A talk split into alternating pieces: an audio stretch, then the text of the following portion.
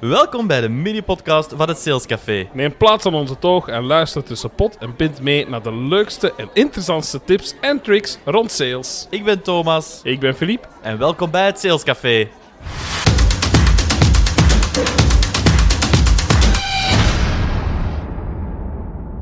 Een hele goede dag en welkom bij een nieuwe aflevering van het Sales Café.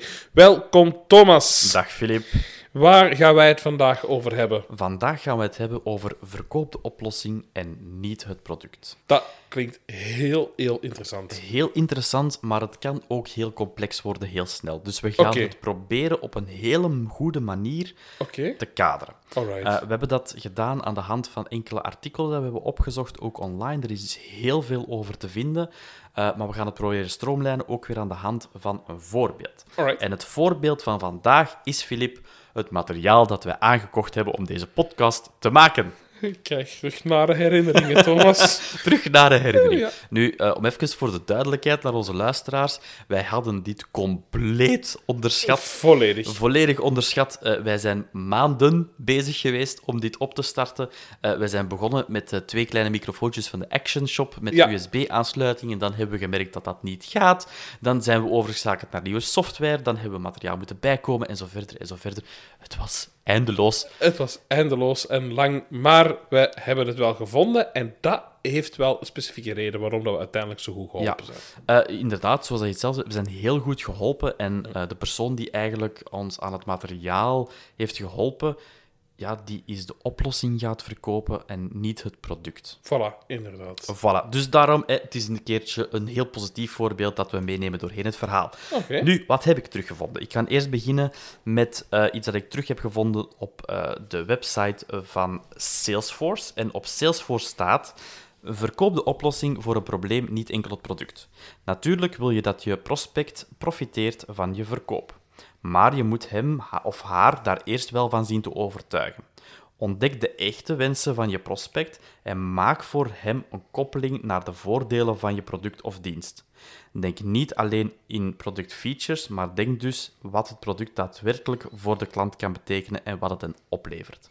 Als ik dan even terugkoppel naar hetgeen wat die persoon heeft gedaan bij ons in die audio-slash-muziekwinkel, eh, die is echt gaan vragen van ja, wat, wat wil je hier juist doen? Eh, die is heel gedetailleerd gaan vragen. Die heeft eigenlijk ons probleem dat we op dat moment hadden, dus de probleemstelling proberen te begrijpen Ja. en zich kunnen verplaatsen echt in onze schoenen. Ja? Even dan naar schoenen, want dit kun je dus niet voor alles doen. Hè. Nee. Ik denk als je ehm, in een schoenwinkel komt en eh, de verkoper komt naar u en die begint van ja, meneer, als u schoenen koopt, dan worden uw voeten niet nat als je buiten wandelt en ook niet vuil. Ja, dat weet ik ook wel, want dat is de reden waarom dat ik hier in de schoenenwinkel sta. Dus het geldt niet voor alle sectoren. Hè. Eh, natuurlijk, je kunt dat zo breed en zo smal trekken als dat je zelf wilt, maar dat speelt wel zeker en vast een rol. Eventjes teruggaan naar wat er daar bij Salesforce stond. Eh, een heel belangrijk punt dat ik ook terugvond op de website van Ronnie Kouwenberg. Dat is blijkbaar business op topsportniveau. Jouw job als verkoper, iedere ondernemer is een verkoper, staat daarbij, is om een emotionele connectie tot stand te brengen, de doelstelling te achterhalen, de pijn te identificeren, het gesprek goed samen te vatten en een passende oplossing te presenteren. Dat is letterlijk het ganse salesproces in één zin, Ja. maar een van de belangrijkste punten eruit is die emotionele connectie. Dat is het gedeelte empathie.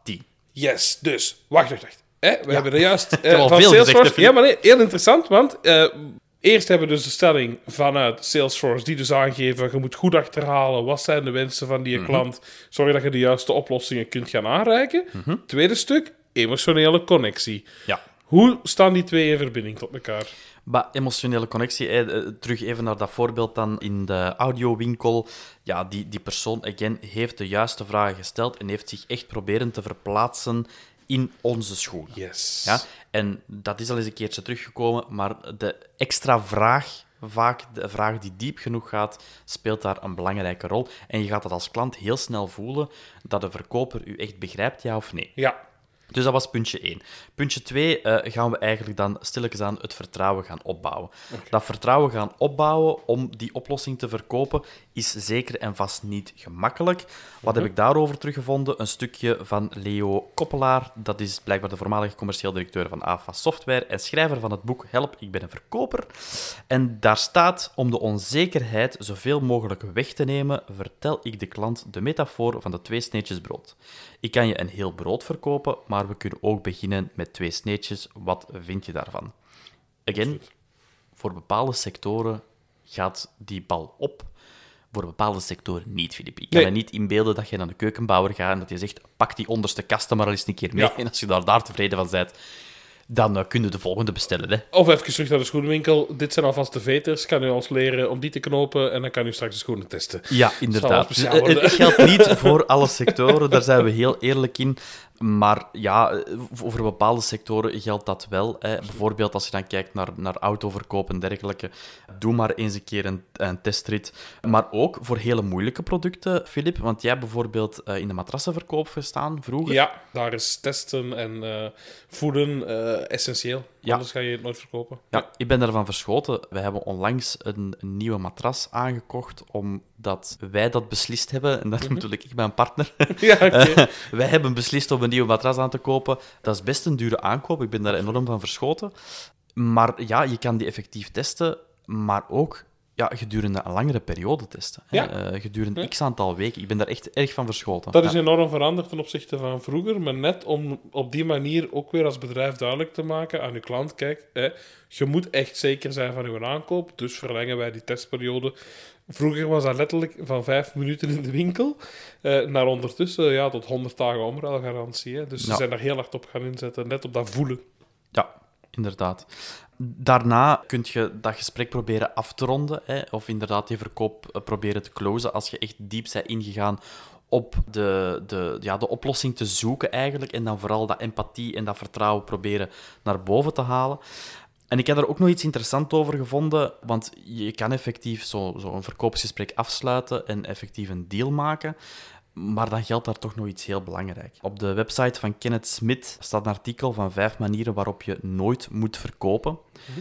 En daar staat geschreven: wanneer je actief bent in een complex vakgebied en dus oplossingen biedt voor problemen waar jouw klant weinig verstand van heeft, ligt het gevaar op de loer dat je suboptimale oplossingen voor je klant realiseert. Ze snappen het toch niet, is een veelgehoord argument. In het land der blinden is één oog koning. Dat is ook meteen de quote van deze aflevering, Filip. Ja, ja, In het land der blinden is één oog koning. En wat betekent dat juist? Is vaak als iemand die slechts een beetje verstand of kennis van een onderwerp heeft, als deskundige wordt gezien door mensen die daar helemaal niks van afweten. Ja, Hebben we daar een voorbeeld van, Filip? Om dat uh, duidelijk te maken misschien? We hebben het laatste verhaal van uh, Switch, nog niet zo heel lang geleden. Klopt, inderdaad, heel lang geleden. Ja, aan het licht gekomen. Veel verzekeringen en dergelijke werden verko verkocht. Voornamelijk ja, aan bijvoorbeeld een ouder publiek die niet helemaal op de hoogte zijn met de nieuwste technologieën. Laat staan wat dat inhoudt van, van eventuele veiligheidsvoorschriften. Dus ja, die mensen worden binnen de kortste keren meegenomen in zo'n verhaal. kopen maar aan. Ja, suboptimale oplossingen, inderdaad. Ja. ja. te veel gaan verkopen en ja, gaan profiteren eigenlijk van de persoon die voor u staat. Ja. En dat doet uw connectie, uw vertrouwen, hè, de emotionele band waar we het er juist al over, uh, over hadden, geen goed. Die gaan niet te goede komen. Ja, en dan in het voorbeeld van Switch, we weten allemaal wat er ondertussen met Switch is gebeurd. Ja. Ze bestaan niet meer. Het hm. komt niet ten goede van uw bedrijf, ook niet, uiteraard. Hè. Nee, nee, dus misschien nog eens heel kort samengevat ja. voor de luisteraars, uh, met, met, met tips daarin, is vooral ja, het eerste stuk, uh, probeer uh, empathie te tonen uh, voor uw klant en probeer vooral de probleemstelling te begrijpen door u te ja. verplaatsen in het probleem van de klant en zo de juiste vragen te gaan stellen. Diep genoeg, ga zeker die extra vraag, zodat je echt dat probleem van A tot Z gaat begrijpen. Daarna ga je het vertrouwen willen opbouwen. Het vertrouwen door eventueel het product of de dienst dat je hebt te laten voorproeven again, dat kan niet voor alle sectoren, maar dat vertrouwen opbouwen door Mhm. ook uitleg te geven over het product kan op die manier ook, waardoor dat je uiteindelijk de deal gaat closen. Ja, ja, ja, oké. Heel interessant. Ook voor de mensen thuis en eh, onderweg om er zo over na te denken van eh, hoe kan ik dat in mijn sector weer gaan toepassen.